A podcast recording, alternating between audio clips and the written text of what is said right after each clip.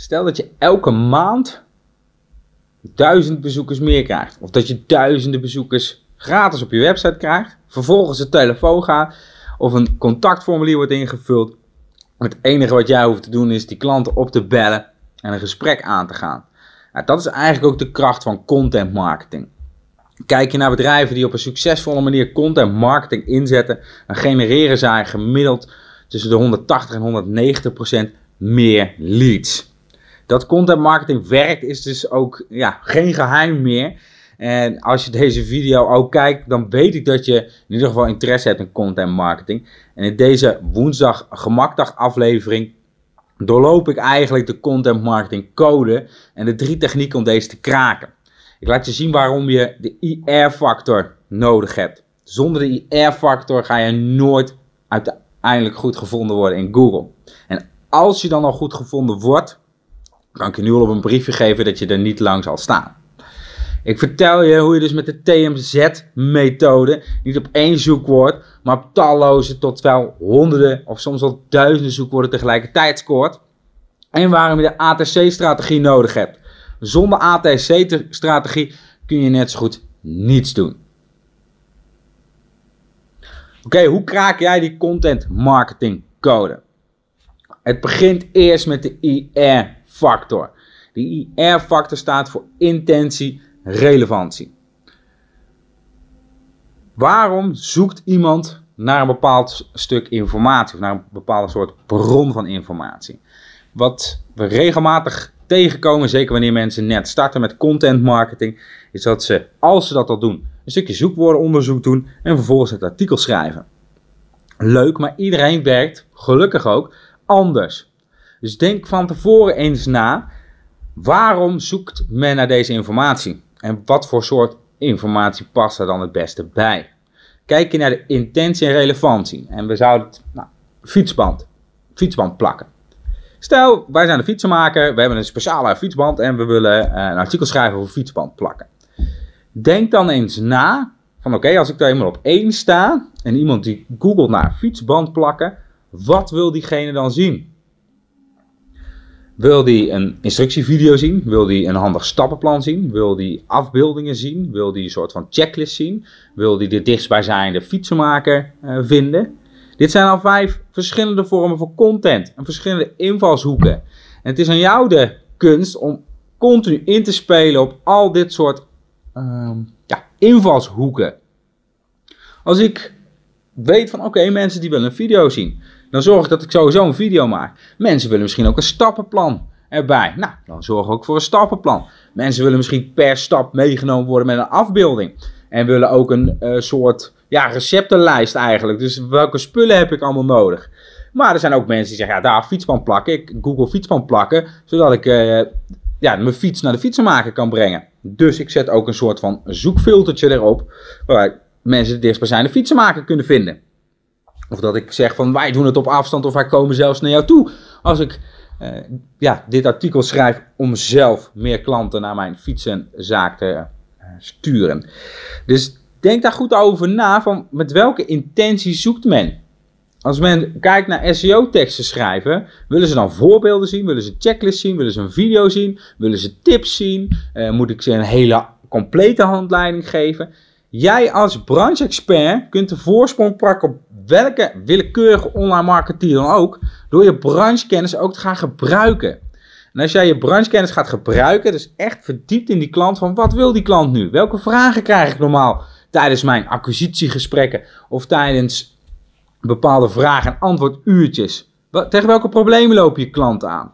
Zorg dat jij je branchekennis gebruikt en zorg dat je rekening houdt dus met de intentie en de relevantiefactor. Mochten mensen op jouw bron komen. Dus ik heb net gegoogeld naar fietsband plakken. Ik kom niet mijn soort content tegen. Ik weet van, hé, dit is niet relevant voor mijn zoekopdracht. Ik keer terug naar Google. Google ziet dat. Heeft allemaal te maken met de dweltime die ik eerder in een andere aflevering heb benoemd. En uiteindelijk zul je alleen maar zakken. De andere techniek om dus eigenlijk de contentcode te kraken is de TMZ-methode. Target meer zoekwoorden. Ik ken talloze SEO'ers die je eigenlijk adviseren per zoekwoord één artikel te schrijven. Nou, in mijn ogen is dat de grootste onzin en ook ja, de meeste, grootste verspillen van jouw tijd. Door dus één artikel te maken per zoekwoord. Kijk en gebruik tools. En ik heb in een eerdere aflevering het ook uitgebreid gehad over de TMZ-methode. Dus ik je aan, mocht je dit soort materie interessant vinden, abonneer je dan op de Woensdag Gemakdag, zodat je geen enkele tip of techniek meer mist. Maar waar de TMZ-methode eigenlijk uh, ja, voor bedoeld is, is dat je nadenkt. Eerst is de intentie. Wat wil iemand zien? Dus waar zoekt hij nu precies naar? En vervolgens ga ik kijken wat voor soort relevante zoekwoorden horen daarbij. Fietsband plakken. Hoe plak ik mijn fietsband? Buitenband uh, plakken. Binnenband plakken. Uh, gaatje in binnenband uh, vinden, zoeken. Denk eens na, hoe optimaliseer ik niet op zoekwoord, maar eerder op thema. Dus als het thema fietsband plakken is, wat kan ik dan allemaal vertellen over, en laten zien of tips geven om dus het, de beste bron op het internet te worden op het gebied van het thema fietsband plakken. Als je dat op die manier insteekt, dan zul je zien dat je automatisch meer zoekwoorden gaat verwerken, een interessantere bron creëert en het uiteindelijk ook resulteert in ja, meer topposities in Google en meer bezoekers.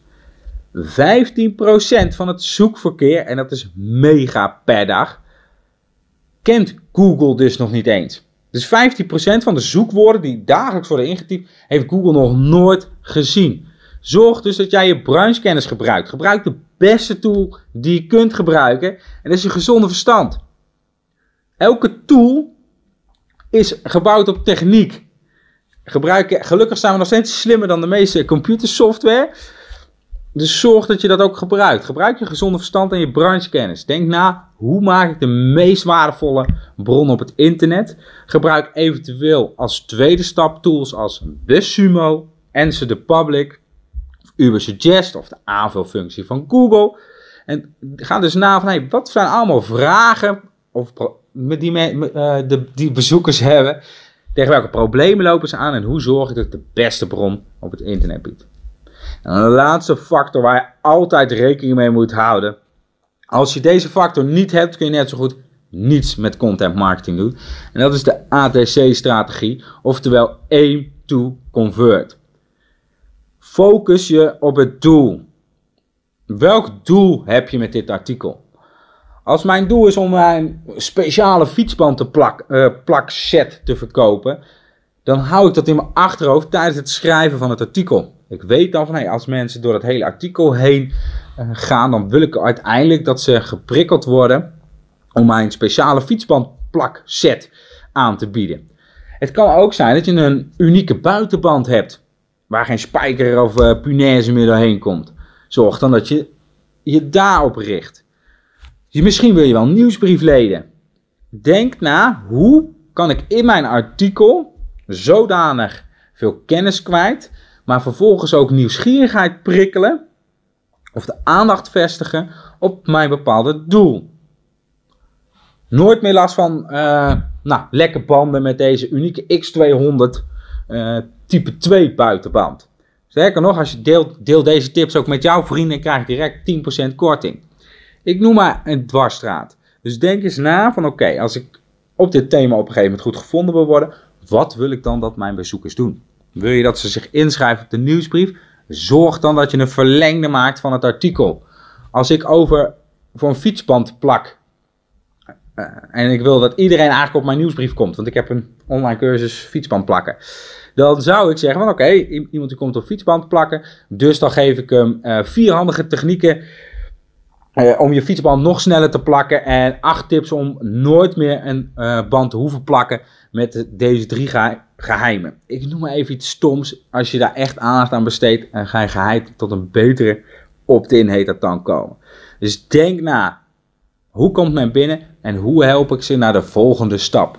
En geloof me dat als je daar goed over nadenkt, dus de intentie en de relevantie, vervolgens het je juiste thema op je content gebruikt en na gaat denken van hey, hoe stuur ik ze naar de volgende actie toe? Inschrijven op een nieuwsbrief, direct contact opnemen, delen op social media welk doel je dan ook hanteert, hou het in je achterhoofd en richt daar je content naartoe. Mocht je dit soort inter materie interessant vinden, klik dan ergens op abonneren. Om dus geen enkele woensdag gemakkelijke aflevering meer te missen. En dan zie ik je bij de volgende aflevering.